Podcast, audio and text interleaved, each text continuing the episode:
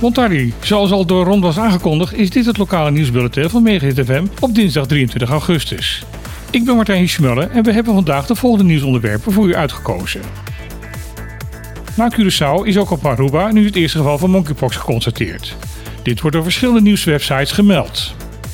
Het gaat hierbij om een inwoner van Aruba die de afgelopen tijd niet naar het buitenland is geweest. De besmetting moet dus op het eiland zelf zijn opgelopen. In verband hiermee is een andere patiënt momenteel in observatie.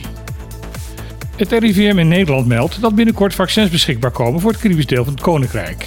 Het gaat hier om een beperkt aantal en is alleen bedoeld voor de grootste risicogroepen.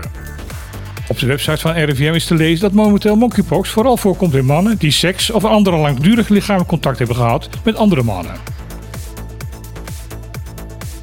De internetconsultatie over de modernisering van de sociale zekerheid van Caribisch Nederland lijkt niet tot veel enthousiasme te hebben geleid.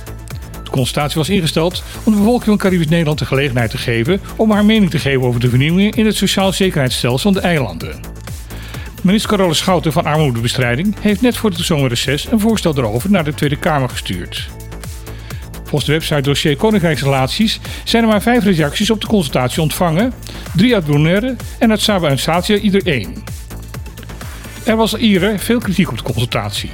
De taal die gebruikt werd was moeilijk te volgen en de gestelde vragen waren inconsequent en vaak onbegrijpelijk. Verder is de consumentenorganisatie Uncobon negatief over de voorgestelde veranderingen in de sociale zekerheid van de BES. De organisatie vindt namelijk dat de vernieuwing eerder een bezuinige operatie is voor de Rijksoverheid dan dat het verbetering brengt voor de bevolking van het Caribisch Nederland. Uncobon bestempelt daarom het wetsvoorstel als een fopspeen. Caribische studenten die in Nederland gaan studeren blijken het nog steeds lastig te hebben. Dat blijkt uit stukken die minister Dijkgraaf van Onderwijs naar de Tweede Kamer heeft gestuurd. In de zogenaamde monitorbeleidsmaatregelen worden de gevolgen van het gevoerde onderwijsbeleid besproken en beoordeeld. Een heel klein hoofdstukje daarvan gaat over hoe studenten uit het Caribisch deel van het Koninkrijk het doen tijdens hun studie. Bij het HBO-onderwijs blijkt dat niet al te best te zijn. Slechts 22% van de Caribische studenten rond de HBO-opleiding af met niet meer dan één jaar studievertraging. Voor alle HBO-studenten in Nederland ligt dat percentage op bijna 50%. Ook blijkt dat de Caribische HBO-studenten vaker van studie veranderen dan gemiddeld. Caribische studenten die in Nederland een universitaire studie gaan volgen, doen het veel beter. Bijna de helft van hen had het bachelordiploma, zonder dat daarbij grote studievertraging wordt opgelopen. Dit percentage ligt vrijwel gelijk aan dat van andere universitaire studenten in Nederland.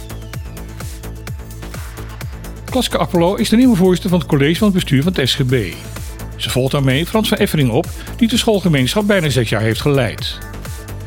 In een persbericht van het SGB wordt verteld dat Apollo meer dan 30 jaar ervaring heeft in het onderwijs en dat zij, voordat zij naar Bonaire kwam, directievoorzitter was bij het MBO Rijnland.